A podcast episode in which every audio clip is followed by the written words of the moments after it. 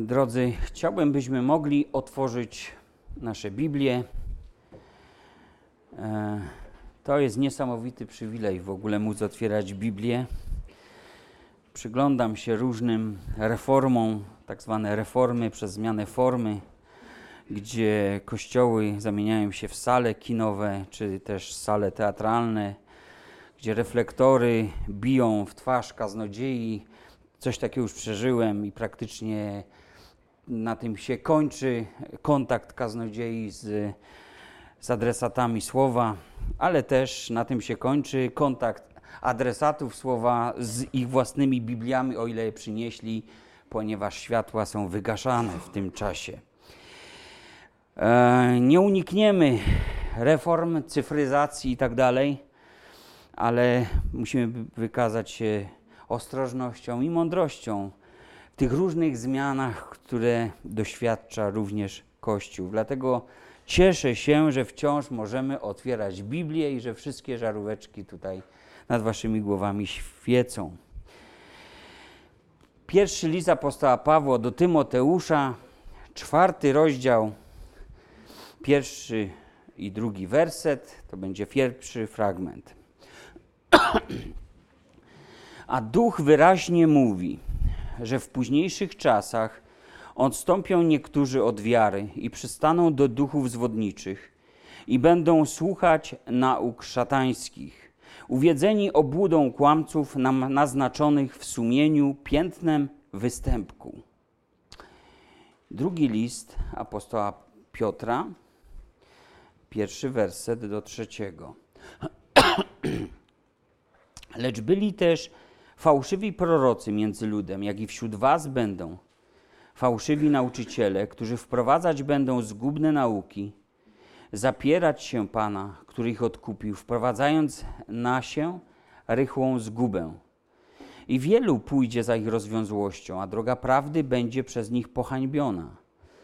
Z chciwości wykorzystywać was będą przez zmyślone opowieści, lecz wyrok potępienia na nich od dawna zapadł i zguba ich nie drzemie.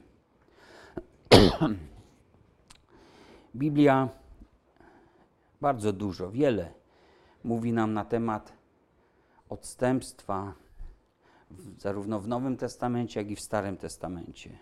Bóg w każdym pokoleniu upominał ludzi z powodu możliwości odejścia od wiary. I często w imieniu Boga prorocy Boży ostrzegali lud opisując też skutki, konsekwencje złego postępowania. Duch mówi w sposób niepozostawiający wątpliwości, to znaczy wyraźnie, że w późniejszych czasach odstępstwo również przyjdzie na łono Kościoła.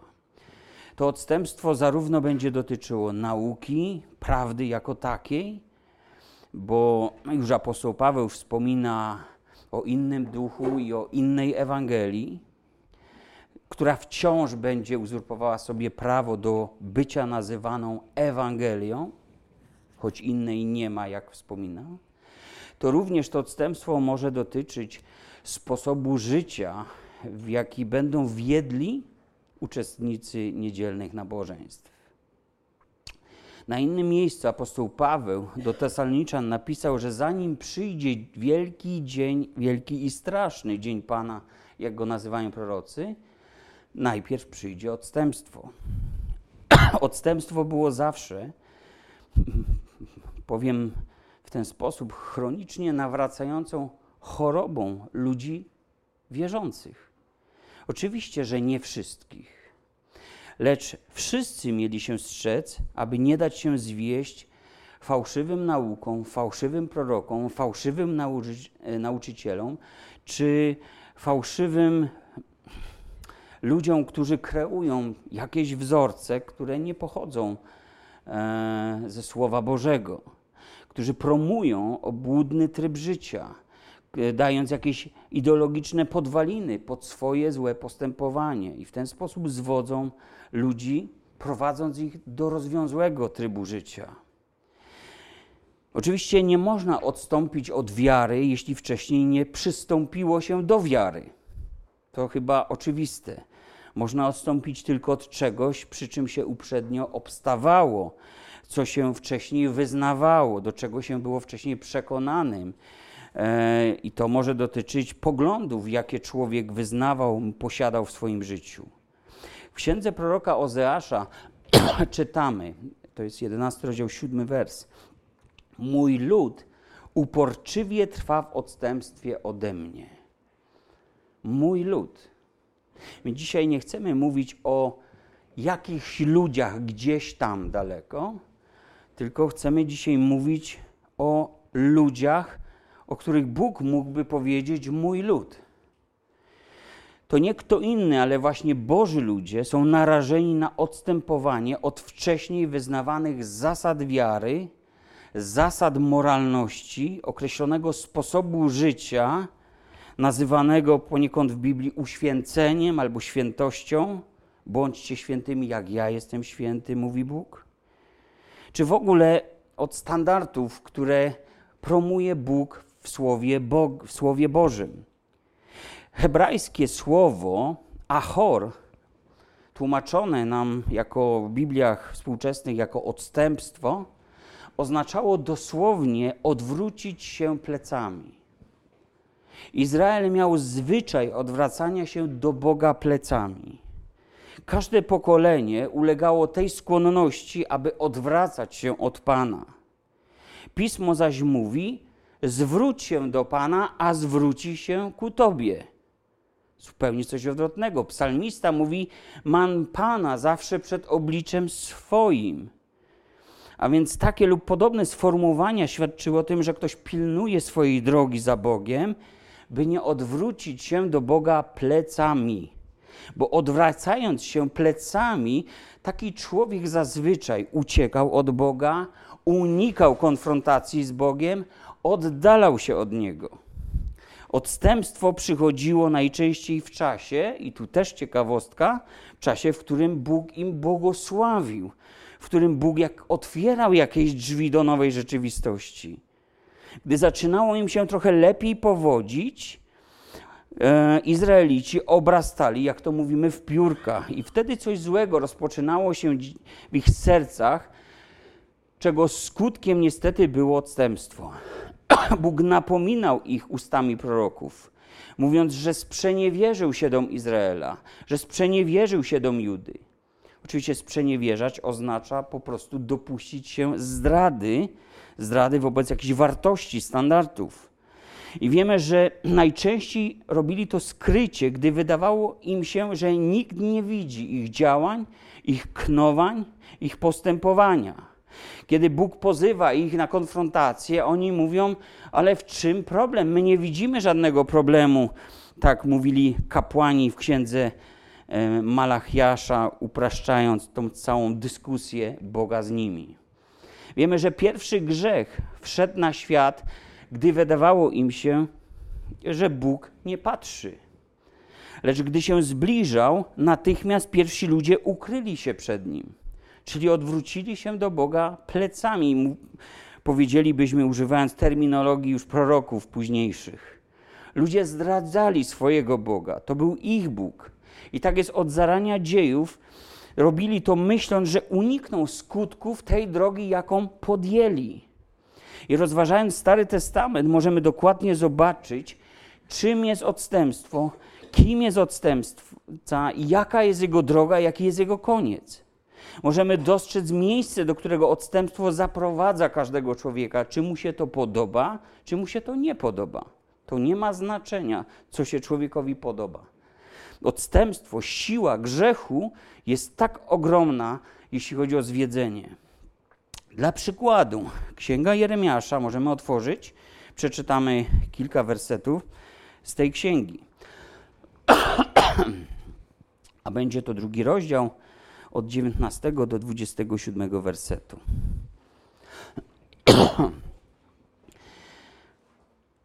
Każe cię Twoja złość, smaga cię Twoje odstępstwo. Poznaj więc i zobacz, jak złą i gorzką jest rzeczą, że opuściłaś Pana swojego Boga i nie ma u Ciebie bojaźni przede mną, mówi wszechmocny Pan zastępów. Bo już dawno złamałaś swoje jarzmo i zerwałaś swoje więzy, mówiąc: Nie chcę być niewolnicą.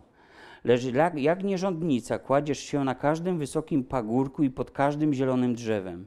A przecież to ja zasadziłem cię jako szlachetną winorośl, cały szczep prawdziwy. A jakże mi się zamieniłaś na krzew zwyrodniały, na winorośl dziką.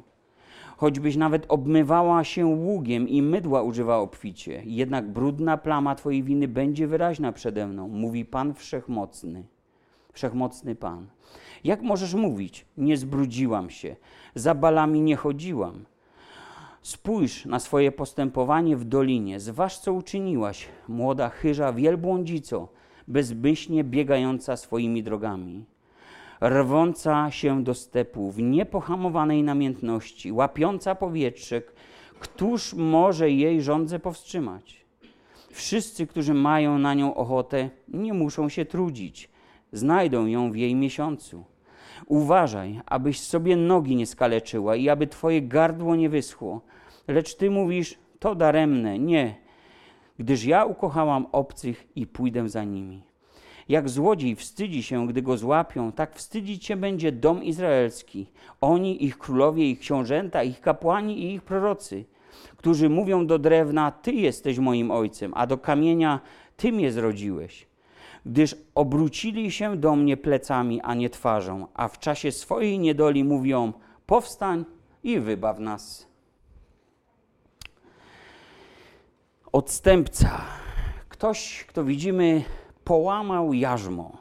Z pewnością pamiętacie, że jarzmo to innymi słowy zaprzęg, w którym chodziła para zwierząt, najczęściej wołów, podczas orki na jakimś polu rolnym. Jarzmo wiele razy posługiwało jako obraz odnoszący się do życia człowieka. Mamy na przykład Nowy Testament, mówi nie chodzić w obcym jarzmie z niewierzącymi. Mamy nie chodzić w jarzmie niewoli, co wskazuje nam po prostu na niebezpieczeństwo wejścia w zażyłe związki z osobami niewierzącymi. Często chodzi o to, że co ma wspólnego moralność z amoralnością. Co ma wspólnego Bóg ze świątynią Bala, jak tutaj w czytanym przypadku. Te osoby czy te związki mogą prowadzić do zniewolenia i mogą postawić mnie pośród obcych bogów, moją drogę mogą powieść po, pośród obcych bogów. I wtedy odwracam się od Boga plecami. Jezus natomiast chce, kiedy myślimy o tym bardziej współczesnym wątku, Jezus natomiast chce nas prowadzić swoimi drogami. Dlatego powiedział: Weźcie na siebie jarzmo moje. Znowu mowa o zaprzęgu i chodźcie za mną. Innymi słowy mówiąc, miejcie społeczność ze mną, trwajcie we mnie, mówił Jezus. Uczcie się ode mnie, podążajcie tam, gdzie ja podążam, czyńcie to, co ja czynię. Tam, gdzie ja, tam i wy, aż dotrzemy do celu, a tym celem jest dotarcie do domu Ojca. Tym celem jest wieczność, tym celem jest zachowanie duszy, a nie dotarcie do punktu, w którym człowiek nabiera świadomości, że jego dusza jest potępiona. Niestety Izrael połamał to jarzmo. Powiedzcie, ile trzeba włożyć siły, ile trzeba razy wyrywać się i szarpać z Bogiem, żeby połamać zaprzęg, żeby zniszczyć swoją społeczność z Nim, żeby wszystkie blokady, które człowiek ma gdzieś w umyśle, gdzie sumienie i Duch Święty i Bóg w różny sposób mówi mu: Nie idź tą drogą, zatrzymaj się, jeszcze jest czas, jeszcze jest ta chwila, żeby to zrobić. Ile trzeba sił włożyć w to, żeby to zagłuszyć w sobie, żeby to zniszczyć. To jest właśnie zobrazowane połamaniem jarzma, połamaniem takiego ogromnego, takiej belki, która jest, była cięższa niż dyszel wozu jakiegoś ciągnącego ciężary. Niestety Izrael, połamał to jarzmo. Juda połamała to jarzmo, bo o niej mówi Jeremiasz. I to nam pokazuje, że więzy, które posiadamy z Bogiem, one mogą być zerwane, bo Bóg na siłę nas nie trzyma przy sobie. I wtedy, kiedy to ma miejsce, rozpoczyna się w życiu człowieka droga odstępstwa. Jako chrześcijanie, każdy z nas jesteśmy, użyję takiego obrazu, jak latawiec na wietrze. Nie wiem, czy kiedykolwiek puszczaliście latawce to bardziej domena mojego pokolenia, chociaż jest jakiś powrót, renesans, czasem gdzieś tam widzę, że rodzice dzieciom kupują latawiec na jesień. A więc zobaczcie, że jest tu pewna analogia. Poddawani jesteśmy presji tego świata, pokusom, trendom, wszelakim gustom, zwyczajom, e, złym towarzystwom, które gdzieś tam się pojawiają i które też tą presję mogą wywierać. Odstępca to jest po prostu ktoś, kto jak latawiec zerwał się z linki i został porwany przez wiatr. I gdy byłem dzieckiem, właśnie często puszczano takie latawce. Wystarczyło kawałek polany, jakiegoś pola i już gdzieś kogoś można było zobaczyć. No i zdarzało się, że jakiś latawiec puszczany na wietrze po prostu zerwał się i wcale nie oznacza to, że przyniosło mu to korzyść. On nie szybował wyżej i wcale lepiej nie potrafił opierać się wtedy tym prądom wiatru. Zerwany latawiec z linki, to prawda, przez chwilę szybował jakby swobodniejszy, jakby był bardziej wolny, jakby mógł się poderwać tym wiatrem jeszcze wyżej, jakby ograniczenia jakieś nagle prysnęły, jak czar, ktoś mógłby powiedzieć. Ale wiecie, co było dalej? Za chwilę runął na ziemię i upadek tego latawca był wielki. Gdy mój latawiec spadł, a pamiętam to jakiś taka taki foliowy trochę był, z takim orłem, więc wyglądało to gdzieś, jakby gdzieś sobie krążył orzeł. W każdym razie nawet orzeł potrafi spaść. Urwała się ta linka, widocznie była za słaba jak na ten wiatr. Nikt mi nie powiedział, że to musi być odpowiedni wiatr, a ja natychmiast pobiegłem, jak prezent dostałem. Pobiegłem puszczać latawca. Chwilę to trwało, zanim się trochę nauczyłem, ale urwała się linka. I mój latawiec, poderwany przez wiatr, za chwilę runął i połamał się. Połamał się, był połamany. Już nie był zdatny do tego samego celu. Już nie można było z nim nic zrobić. Już nie był w stanie wyczuć siły i, i kierunku wiatru, bo tak naprawdę działo się to wyłącznie przez to, że ktoś kierował nim. Ta linka była tym, co łączyła ten latawiec z jego właścicielem. I drodzy, podobnie jak ten zerwany latawiec, wyglądają ludzie, którzy postanowili wyrwać się z jarzma Bogu i pójść swoją drogą, by zasmakować wolności bez Niego.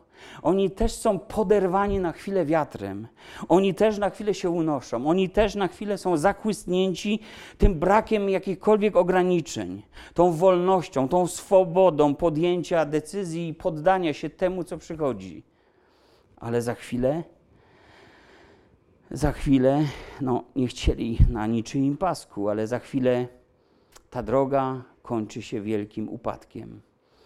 A staje się to wtedy, kiedy ta nić, więź łącząca ich z Panem, zostaje po prostu przerwana. Zerwane więzi z Bogiem, brak społeczności z Nim skutkują wcześniej czy później tragedią i ta linka łącząca latawiec, osobą kierującą, trochę jest jak wiara, którą dał nam Bóg, abyśmy chodząc w nim, w ogromnym wietrze, w ogromnej presji, wśród wielu różnych przeciwności, utrzymali swoje życie na właściwym kursie. No ale ktoś zapyta, co odłącza nas od Boga? Co sprawia, że ta więź może zostać zerwana? Izajasz to tłumaczy. Izajasz 59 rozdział, pierwsze dwa wersety. Oto ręka Pana nie jest tak krótka, aby nie mogła pomóc, a jego ucho nie jest tak przytępione, aby nie słyszeć. Lecz wasze winy są tym, co was odłączyło od waszego Boga, a wasze grzechy zasłoniły przed wami jego oblicze. Także nie słyszy. Dosłowny tekst hebrajski mówi, także was nie słucha. Jest różnica między słyszeć, a nie słuchać, nie wysłuchać. Wasze winy was odłączyły. Oni oczywiście robili co mogli, żeby zabłysła nad nimi światłość. Kiedy po prostu przyszła niedola, Jeremiasz mówi, mówili: Powstań i wybaw nas. Ale to nie jest tak, że na zawołanie, wiecie, sprowadzimy sobie Boga do naszych problemów, które żeśmy sobie sami zgotowali. Bóg to nie jest jakiś rodzaj lampy Aladyna, że wiecie, jak w tej bajce było. Potarli butelkę, wyszedł Aladdin, miał zrobić swoje No i co potem? No spadaj do butelki. Bóg chce nam zaoszczędzić wielu upadków. Dlatego związał nas z sobą. I wiara jest tym Bożym środkiem łączącym nas z Nim. I oczywiście łaska, dzięki której On przyszedł, choć nie musiał do naszego życia. Apostoł Paweł powiedział, że jego misją jest doprowadzić narody, wiecie do czego? Początek listu do Rzymian i koniec listu do Rzymian o tym mówi. Aby doprowadzić narody do posłuszeństwa wiary. Bo też wiara nierodząca posłuszeństwa wobec Pana nie jest prawdziwą wiarą. Może jest podróbką czegoś prawdziwego. Człowiek z samego siebie oczywiście może wykrzesać wiarę w cokolwiek. Mamy różne poglądy, różne przekonania, różne wierzenia. Demony, Biblia mówi, również wierzą, lecz drżą. Drżą, bo znają Boga i wiedzą, że zbliża się Boży Sąd. Ta ich wiara jednak nie zbawia ich. Nie pociąga żadnych zmian za sobą. A nie zbawia, bo, bo nie pociąga za sobą posłuszeństwa wobec Boga, wobec Jego słowa. One nie poddają się Bogu. Podobnie może być właśnie z ludźmi. My mamy jakieś wierzenia. Izraelici w najciemniejszych czasach, kiedy nie chcieli odrzucić Boga, bo wiedzieli, że to jest prawda, co słowo, jakie mieli, mówi o ich Bogu, ale nazbierali sobie bardzo wiele innych bożków, nie chcieli jednak odrzucić prawdy, to Biblia mówi, że wymyślili sobie nieprawdziwe rzeczy o Bogu swoim i oddawali cześć bożkom i temu Bogu. A więc do, doszło do takiego intelektualnego bałwochwalstwa. Dzisiaj nie potrzebujemy kawałka drzewa, żeby sobie wystrugać jakiś totem, czy jakiegoś bożka, czy jakąś figurkę. Bywa, że ludzie to robią. Poświęcą ją. Jeszcze ona się popłacze, ta figurka, w jakiś nadzwyczajny sposób. Nie skojarzą, że to deszcz był, że drzewo nasiąkło. I już macie starożytną formę we współczesnym wydaniu. Ale jeszcze dochodzi też do intelektualnego bałwochwalstwa, kiedy człowiek wymyśla sobie Boga na swoje podobieństwo, takiego, jakiego chce. I myśli, że sprowadzi Boga natychmiast, kiedy pstryknie palcem, że ten Bóg przyjdzie, no bo przecież grzesznik się nawraca. Wiara wynikająca z więzi z Bogiem. Wiemy, że dokonuje w nas takiego zbawczego dzieła w postaci skutku wiary, które są jej owocami. Wiara nie pociągająca posłuszeństwa Bogu jest martwą wiarą. Ta wiara jest tylko wiedzą o tym, że jest Bóg, że Biblia jest słowem Jego, że wyraża Jego wolę, pragnienia, ale nie ma tego aktu poddania się Bogu, nie ma tego związania się z Nim, nie ma posłuszeństwa wiary. Czy Bóg karze odstępcę? My mamy wgraną taką wersję Boga, który zaraz chodzi z kijem za kimś i go zaraz karze. Bóg nie musi karać. Tutaj w księdze Jeremiasza jest napisane o Bożym doświadczeniu, o Bożej ingerencji, owszem, ale tutaj raczej czytamy o tym, że samo odstępstwo przynosi owoce do naszego życia. Człowiek doświadcza tego, co posiał, bo co człowiek sieje, to i żnąć będzie. Tak mówi Biblia. Pokazuję taką duchową zasadę. Owocem odstępstwa Izraela była nadciągająca niewola babilońska. Trwała aż 17, 70 lat. A więc było to całe życie jednego pokolenia. Bóg nie musiał zsyłać jakiegoś wymyślnego karania. Bóg nie musiał komplikować im w nadzwyczajny sposób życia. Bóg nie musiał opracowywać jakiegoś planu wychowawczego, ani organizować jakiejś nadzwyczajnej akcji logistycznej. Wystarczyło, że dopuścił do nich te wszystkie straszne rzeczy, które właściwie oni sami sobie zafundowali. Wiecie, czasem siadam z jakąś młodą osobą, rozmawiamy o przeżyciach, o tym, co ten młody człowiek sobie wyrządził, co zrobił, i rzucam na stół monetę i mówię, podnieś reszkę. Dziwi się, no przecież to jest niemożliwe, żeby podnieść reszkę. Można podnieść orła i reszkę, bo to jest moneta. Ale właśnie tak działa, tak działa zwiedzenie, tak działa czasem taka krótkowzroczność, kiedy człowiek myśli, że może zabrać przyjemność, ale nie zabierze już konsekwencji. Ale każda przyjemność ma swoje skutki, ma swoje konsekwencje. Są na świecie tak przyjemne rzeczy, które człowieka potrafią zupełnie zniszczyć i upodlić, zniszczyć zupełnie, nic nie zostawiając. Drodzy, wystarczyło tylko w tym przypadku przypadku Izraela, że Bóg dopuścił do nich te wszystkie straszne rzeczy, które właściwie sami sobie wcześniej wybrali, idąc krok po kroku w niewłaściwą stronę. Nie widząc tego, do jakiego przeznaczenia ich te własne dążenia, pragnienia doprowadzą, i doczekali się karania. Karania, o którym czytamy: Karze cię Twoja złość, smaga cię Twoje odstępstwo. Poznaj więc i zobacz, jak złą i gorzką jest rzeczą że opuściłaś Pana, swojego Boga i nie ma u Ciebie bojaźni przede mną. Ludzie, którzy doświadczają póki co jeszcze przyjemności tej drogi, drogi odstępstwa, a nie już karania, często są w takim tunelu. Człowiek opuszczający Pana jest jak w tunelu. Nie dociera do niego nic spoza tej hermetycznej rury Oczywiście używam obrazu. Patrzy tylko na te swoje pragnienia, na te swoje dążenia, na te swoje ambicje. Chce je realizować, chce odzyskać coś, czego może nie było w życiu, albo co zostało zabrane. Zmierza tą swoją drogą i nawet nie widzi, kiedy ta linka tego latawca się zrywa. Podrywa mnie wiatr i jest fajnie. I drodzy, w takim tunelowym myśleniu, z takim tunelowym myśleniem. Zazwyczaj spotykamy się, kiedy duszpasterze, kiedy chcemy pomóc komuś wejść na tą właściwą drogę. Gdy napominamy, zachęcamy, czytamy słowo, modlimy się, wzywamy do powrotu do Boga. I nic się nie dzieje. To myślenie widzimy, gdy otwieramy właśnie Biblię. Nic się nie dzieje.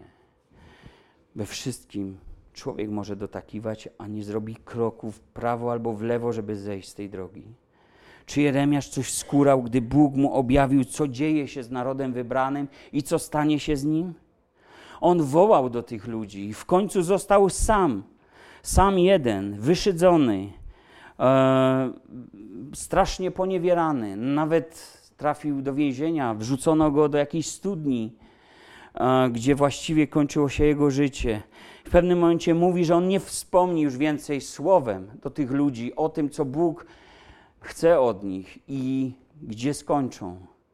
I kiedy mówi, że powiedział sobie, że już więcej o tym nie będzie mówił, to stało się w jego sercu jak ogień palący. Mozolił się, by go znieść, by obstawać przy swoim i mówi: Nie mogłem. I znowu widzimy Jeremiasza głoszącego te same rzeczy, choć przed wszystkich wówczas odstępców był odrzucany. Tak często dzieje się, szczególnie kiedy ludzie jeszcze nie doświadczają klęski swoich planów. Klęski swoich planów. A więc Jeremiasz nic nie wskórał, a mówił do nich bez ogródek. Mówił nawet ostro, bym powiedział. Jeremiasz był ostatnim prorokiem przed niewolą babilońską.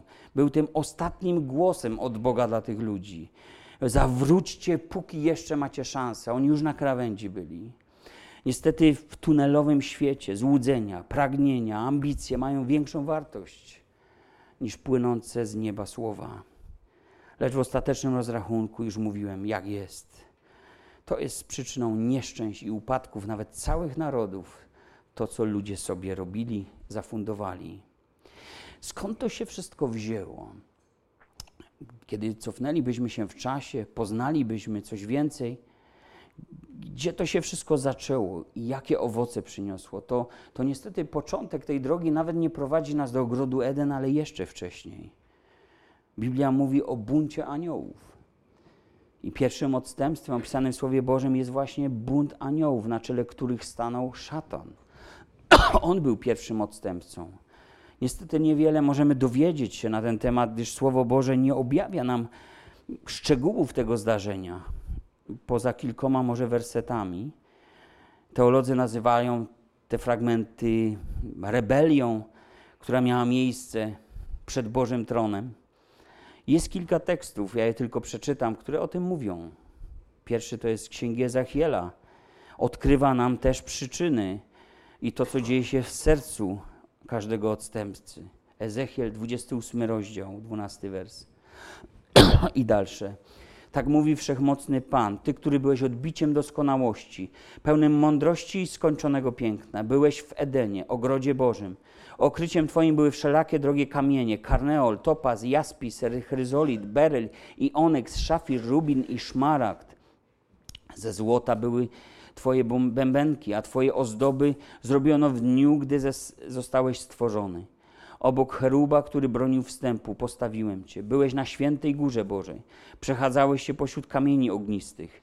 Nienagannym byłeś w postępowaniu swoim od dnia, gdy zostałeś stworzony, aż dotąd, gdy odkryto u Ciebie niegodziwość. Przy rozległym swoim handlu napełniłeś swoje wnętrze gwałtem i zgrzeszyłeś.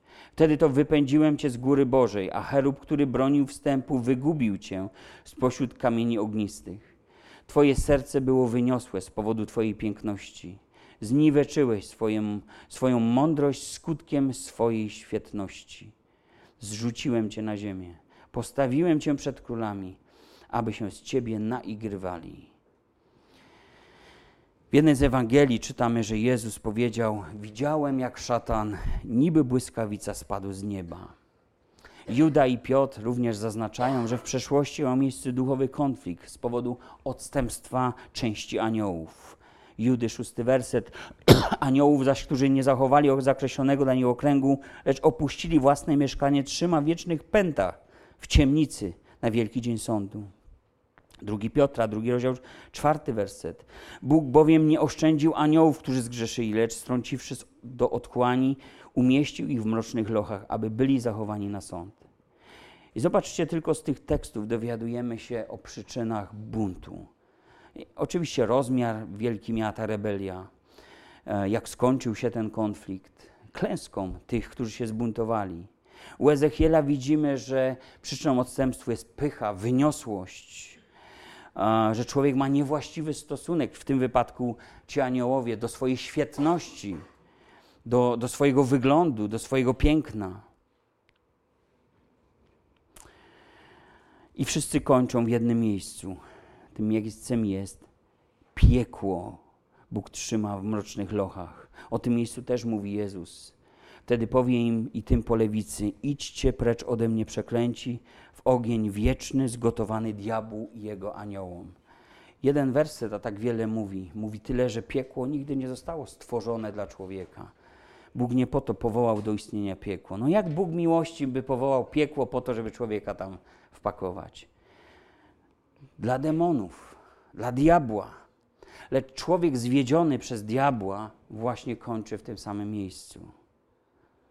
Bożym zamiarem było, aby człowiek tam nigdy się nie znalazł. Dlatego Bóg wysłał na ten świat swój ratunek, rzucił swoje koło ratunkowe dla każdego. I tym kołem ratunkowym, jeśli tak można powiedzieć, jest Jezus Chrystus i Jego ofiara na krzyżu, zapłacona za grzechy każdego człowieka, kto tylko zechce uchwycić się tego koła ratunkowego, przyjąć to. Odstępców zaś oraz grzeszników spotka zagłada, a ci, którzy opuszczają Pana, zginą. Izajasz, pierwszy rozdział, 28 werset. Takie bezpośrednie słowa wypowiadali prorocy. Potem jest ten znany bunt, odstępstwo w ogrodzie Eden. I dał Pan Bóg człowiekowi taki rozkaz: z każdego drzewa tego rodu możecie jeść, ale z drzewa poznania dobra i zła nie wolno ci jeść, bo gdy tylko zjesz z niego, na pewno umrzesz. Pierwsza Mojżeszowa, drugi rozdział, 16-17 werset. Więc orzeczenie Boga było bardzo wyraźne, zrozumiałe, jasne dla Adama, Ewy, o czym dowiadujemy się też z następnego rozdziału. Oboje wiedzieli o granicach wyznaczonych przez Boga i wiemy, że oboje je złamali. Oni żyli wcześniej w całkowitej wolności. Jedyną, e, jedyną Biblią, można by tak powiedzieć, jaką mieli, było, było błogosławieństwo Boga, którego doświadczali. Nie mieli żadnej książki. To była ich Biblia. I mieli w tej Biblii jeden nakaz, jeden zakaz, którego respektowali do czasu. Ale pytanie, czy to było ograniczenie uprawnione? Bo to była, to była forma tej linki, odwołując się do obrazu latawca i tego właściciela, który puszcza latawiec na niebie. Wolność, jaką otrzymali pierwsi ludzie, posiadała swoje ograniczenia i zawsze prawdziwa wolność je posiada, ale posiada je dla bezpieczeństwa tego, kto korzysta z tej wolności. Bóg jako stworzyciel, dawca życia, jako autor wszelkiego błogosławieństwa troszczył się od początku o los człowieka i ograniczył go tam, gdzie jego wolna wola mogłaby doprowadzić go do śmierci. I człowiek dokładnie poszedł tam, gdzie nie miał pójść. Pierwsi ludzie umarli duchowo, gdy zgrzeszyli i wszyscy potem, jako pozbawieni Bożej obecności, umierali fizycznie i tak śmierć weszła na świat z powodu odstępstwa. Ale niewiele się pomylimy, gdy powiemy, że ci ludzie umarli z powodu zlekceważenia Słowa Boga, z powodu nieposłuszeństwa wobec Słowu Boga. I to nas przeprowadza przez wiele, wiele lat do czasów, kiedy Izrael znajduje się na pustyni. I tam niestety wybawiony z ręk, ręką Boga w cudowny sposób niestety popełnia odstępstwo. I najbardziej znanym odstępstwem, które zostało opisane na kartach słowa, jest właśnie ten bunt ludzi wybranych przez Boga na pustyni. Raczej trzeba by powiedzieć, że była to seria odstępstw w historii jednego pokolenia, która wstrząsnęła tym narodem. Psalm 78 wspomina to 40 werset i do 42. Czytamy: Ileż to razy buntowali się przeciw niemu na pustyni i zasmucali go na pustkowiu. Ustawicznie kusili Boga i zasmucali świętego Izraela. Nie pamiętali czynów jego ręki, dnia, w którym wyzwolił ich od ciemiężcy. Jak doszło do tego upadku? Jaki był rezultat? Otóż gdy Mojżesz za sprawą Pana wyprowadził lud z Egiptu, wprowadził ich na pustynię. I pamiętamy to być może, że w prostej linii mieli kilkanaście dni, aby wejść do tej ziemi obiecanej. Ale pustynia była także testem na prawdziwość ich wiary. Była miejscem obnażającym ich ambicje, motywy i dążenia serca. Była miejscem pomiędzy dwoma światami: pomiędzy światem niewoli i śmierci, a światem życia i błogosławieństwa, między Egiptem a ziemią obiecaną. I Bóg posłał im przewodnika. Był to Mojżesz, pośrednik przymierza, jakie Bóg zawarł z nimi. Niestety ponieśli sromotną porażkę. I kiedy zastanawiamy się, czemu tak się stało, odkrywamy pewien fragment z listu do Hebrajczyków, a więc coś bardziej współczesnego, co tłumaczy nam tamte wydarzenia. Jest to trzeci rozdział, przeczytam fragment. A nawet rozdział widzę, że to jest, ale przeczytajmy. To jest ważne. Przeto, bracia święci współczynnicy powołania niebieskiego, zważcie na Jezusa, posłańca i arcykapłana naszego wyznania, wiernego temu, który go ustanowił, jak i Mojżesz był wierny w całym domu Bożym. Uznany on bowiem został za godnego o tyle większej chwały od Mojżesza, o ileż większą cześć ma budowniczy od domu, który zbudował.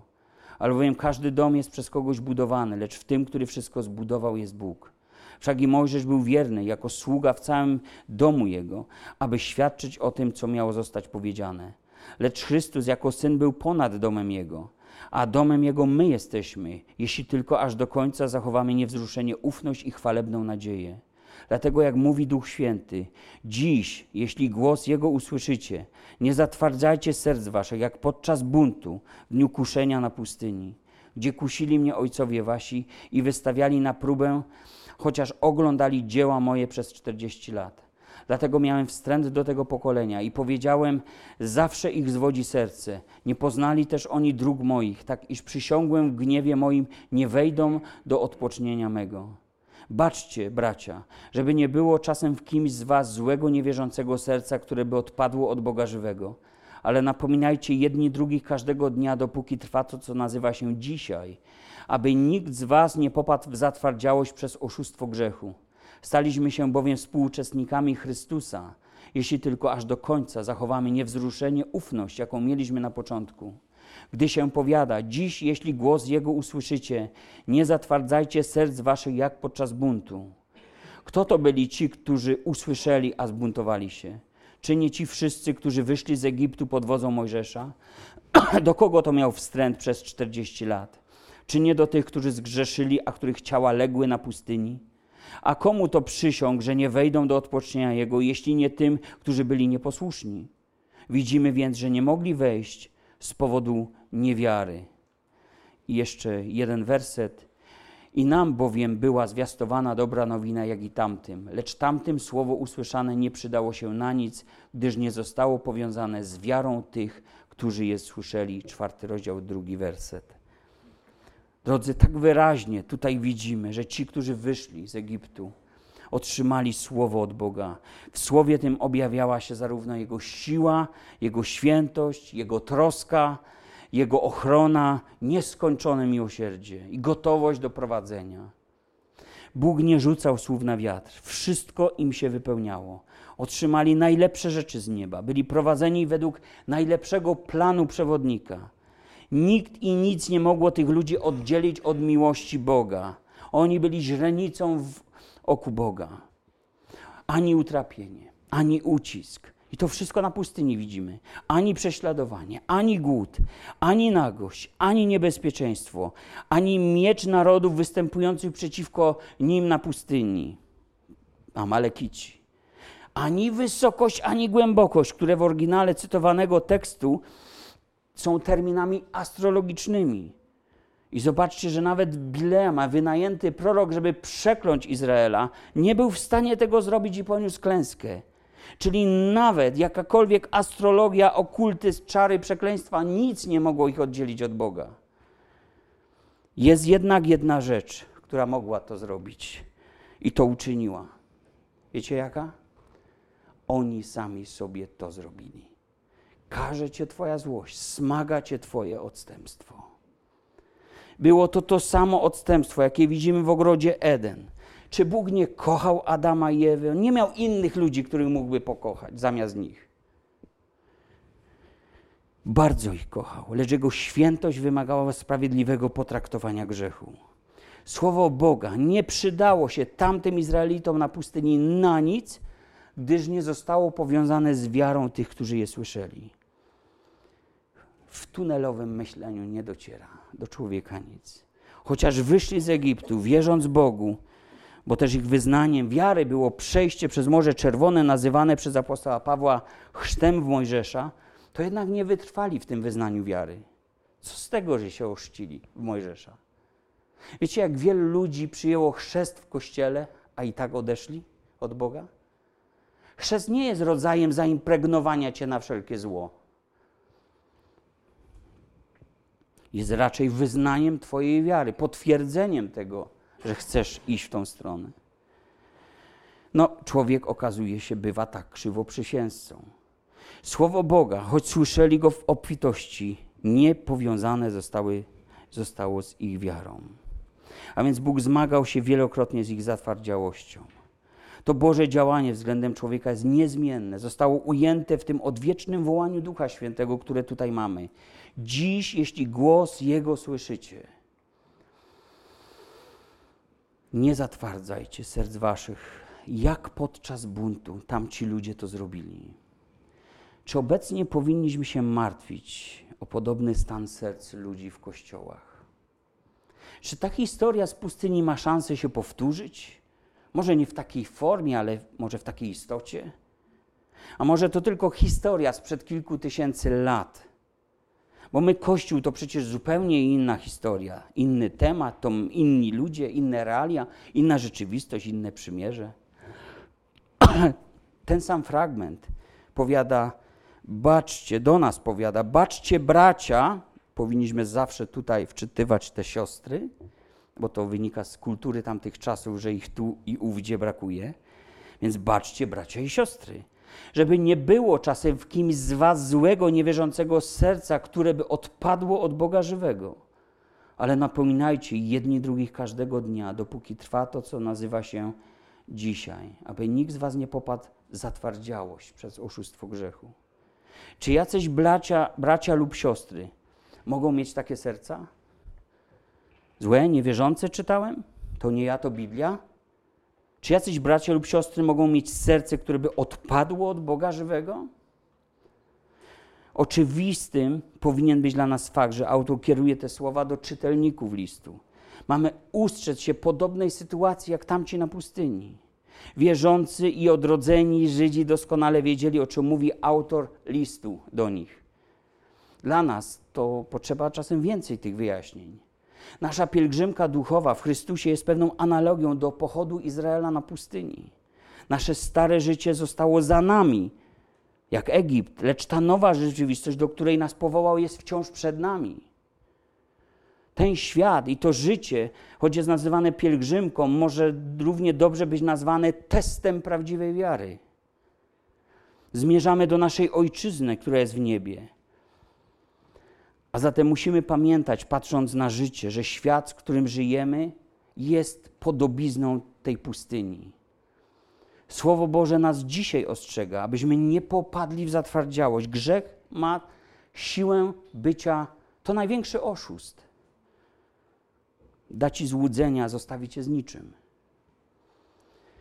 Wiemy, co tamci ludzie na pustyni wyprawiali i wymyślali postanowili sporządzić posąg bóstwa, aby on był prze, przewodnikiem na pustyni.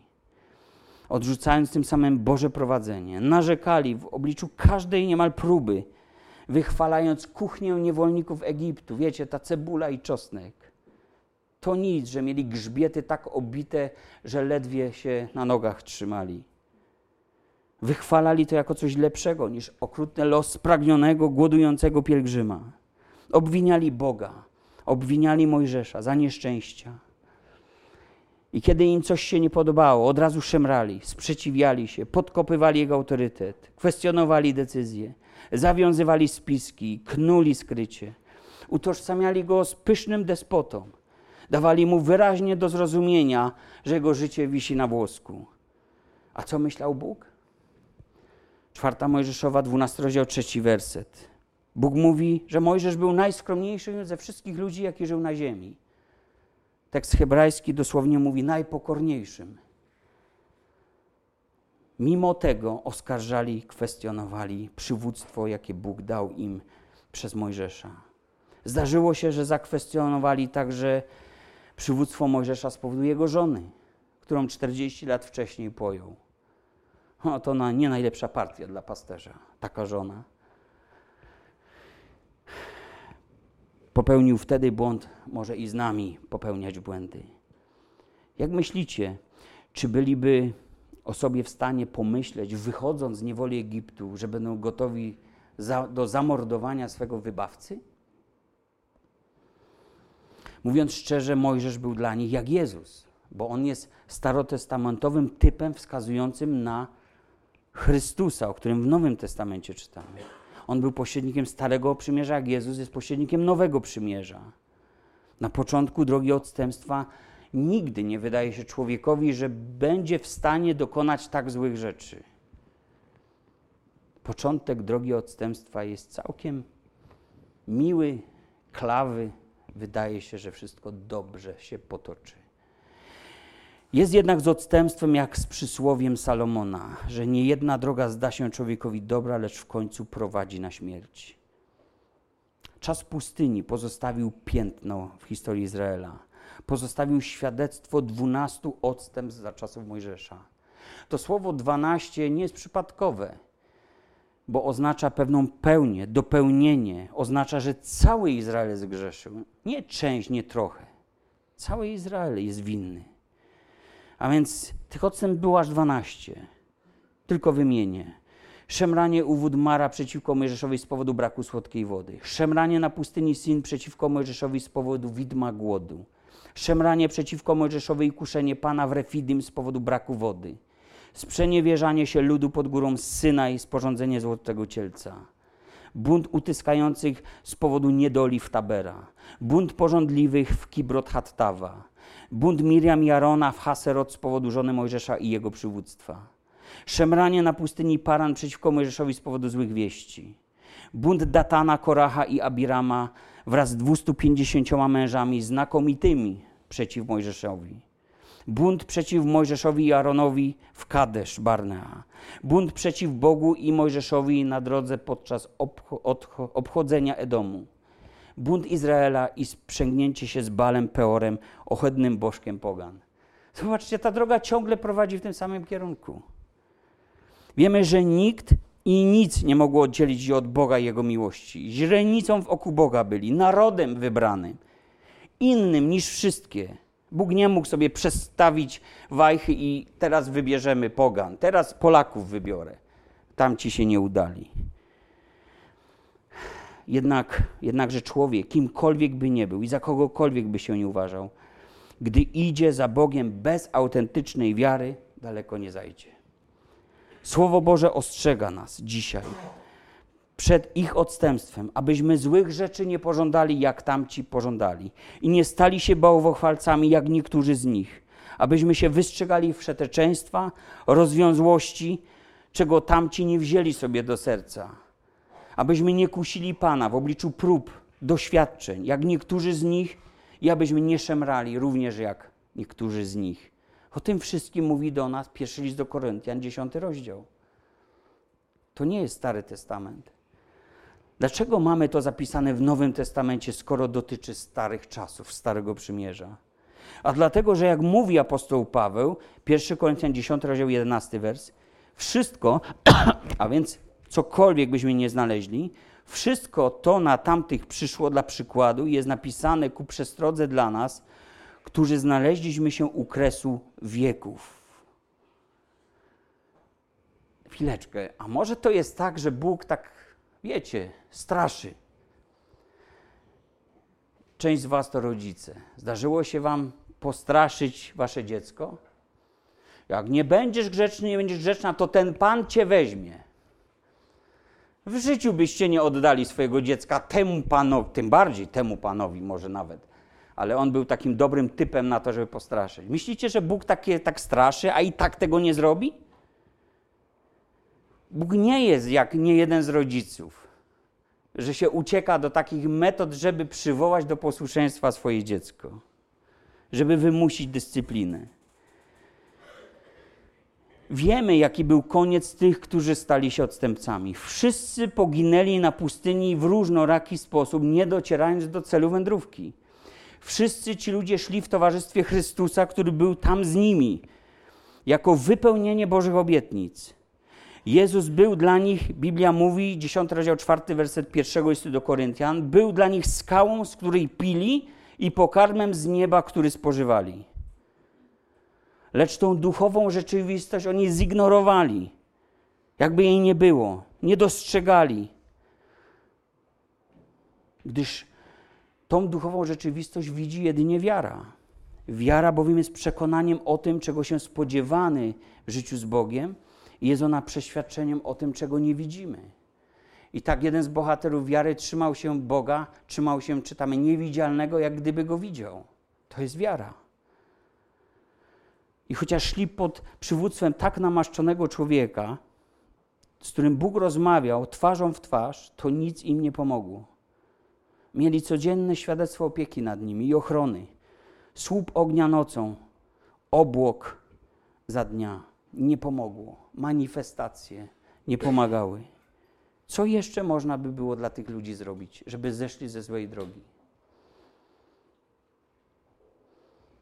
Zabić ich. Wtedy skończy się to. Bóg nikogo nie zabijał. Pozwolił, aby karała ich ich złość, aby smagało ich ich odstępstwo. I to wszystko, co przychodziło, dopuszczał do tych ludzi. Oczywiście zdarzyły się również nadnaturalne rzeczy, które, które jak rozstąpienie ziemi spadały na tych ludzi i pochłaniały odstępców. Sam nie wiem, czy po prostu też to nie jest Boży dopust, znaleźli się w nieodpowiednim miejscu i czasie, trzęsienie ziemi, ziemia się rozstąpiła i nie ma odstępstw.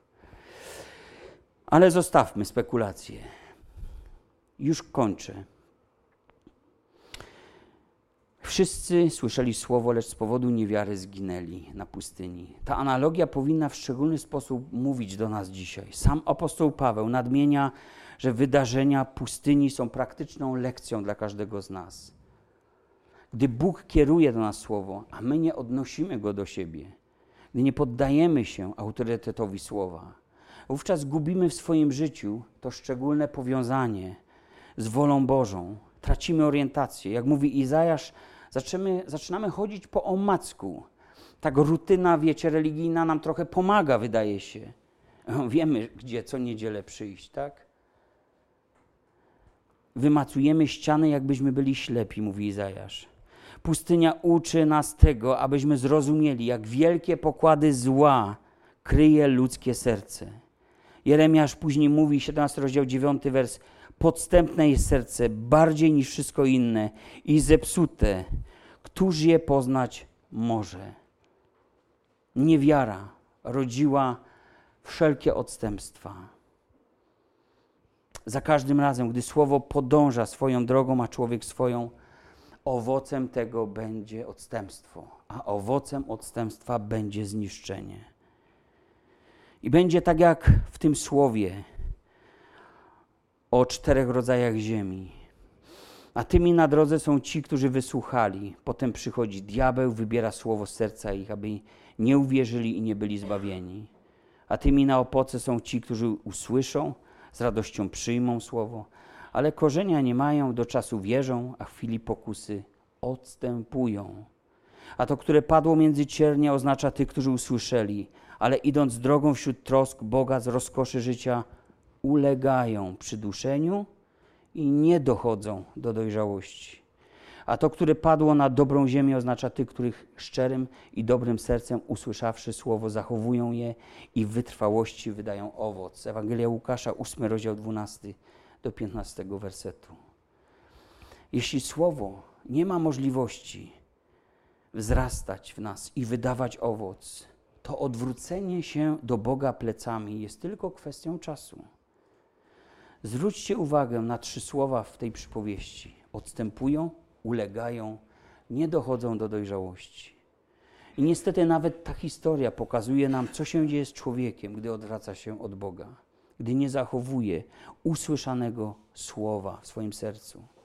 I Biblia ostrzega nas, że przyjdą późniejsze czasy, co by nie powiedzieć o naszych, te są późniejsze w stosunku do poprzednich, że przyjdą takie czasy, gdy niektórzy odstąpią od wiary, a przystaną do tych zbuntowanych wcześniej duchów zwodniczych. Tekst cytuję ten, który na początku mieliśmy. Kościół więc boryka się od czasu do czasu z odstępstwem niektórych, lecz idą czasy jeszcze gorsze. Nowy Testament mówi, że zanim przyjdzie Chrystus, będą miały miejsce dwa wydarzenia. Drugi Tesaloniczan, drugi rozdział. Co zaś się tyczy przyjścia Pana naszego Jezusa Chrystusa, chodzi o to powtórne przyjście, którego oczekujemy, i spotkania naszego z Nim, prosimy Was, bracia, abyście nie tak szybko dali się zbałamucić i nastraszyć, czy to przez jakieś wyrocznie, czy przez mowę, czy przez list rzekomo przez nas pisany, jakoby już nastał Dzień Pański. Niechaj Was nikt w żaden sposób nie zwodzi, bo nie nastanie pierwej zanim nie przyjdzie odstępstwo i nie objawi się człowiek niegodziwości, syn zatracenia.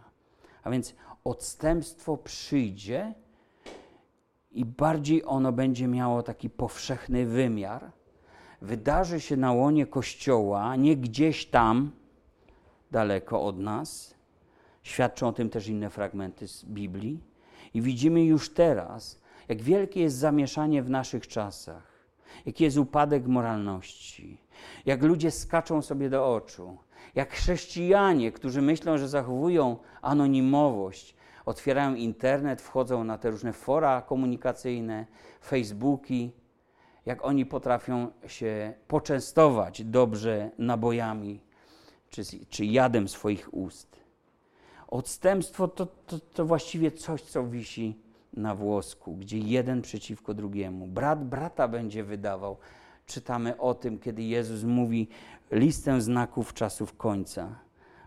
E, Będą to czasy trudne, czasy Noego, nieprawości no, czasów Noego, czasy moralnego upadku, jak za dni Lota. Będą to czasy ubóstwiania ludzkiego ego, jak za czasów może wieży Babel. Każdy z tych momentów historii wiązał się z jakąś ingerencją Bożą. I drodzy, oczekując jednak innej rzeczywistości, bo my oczekujemy naszego spotkania z Panem Jezusem Chrystusem. Pamiętajmy jednak na to, co mówi do nas Słowo Boże. Strzeżmy tego słowa w naszych sercach. A jeśli jesteśmy niedoskonali, co jest pewne, że tak jest, to mamy baczyć jeden na drugiego. Po to jest wspólnota, że człowiek sam, kiedy idzie, jest bardziej narażony na to, aby się poddać wielu różnym wpływom, presjom, naciskom, pokusom. Ale kiedy jako wspólnota idziemy razem i nie używamy tej nazwy, by tylko podawać się za kogoś, kim nie jesteśmy, ale kiedy wypełniamy Słowo Boże, które nakłada na nas obowiązki, na każdego z nas, który jest cząstką wspólnoty, to wówczas, to wówczas ta nasza droga jest taka pewna we wszystkim. Trwajcie więc, drodzy bracia, siostry, w słowie. Kto pełni słowo, ten trwa na wieki, powiedział Jezus. I jeszcze chcę na koniec przeczytać jeden tekst. Z listu do Hebrajczyków, 10 rozdział, 35 werset i następnych kilka. Nie porzucajcie więc ufności waszej, która ma wielką zapłatę, albowiem wytrwałości wam potrzeba, abyście, gdy wypełnicie wolę Bożą, dostąpili tego, co obiecał – bo jeszcze tylko mała chwila, a przyjdzie ten, który ma przyjść i nie będzie zwlekał. A sprawiedliwy mój z wiary żył będzie, lecz jeśli się cofnie, nie będzie dusza moja miała w nim upodobania. Lecz my nie jesteśmy z tych, którzy się cofają i giną, lecz z tych, którzy wierzą i zachowują duszę. To takie zachęcające zakończenie.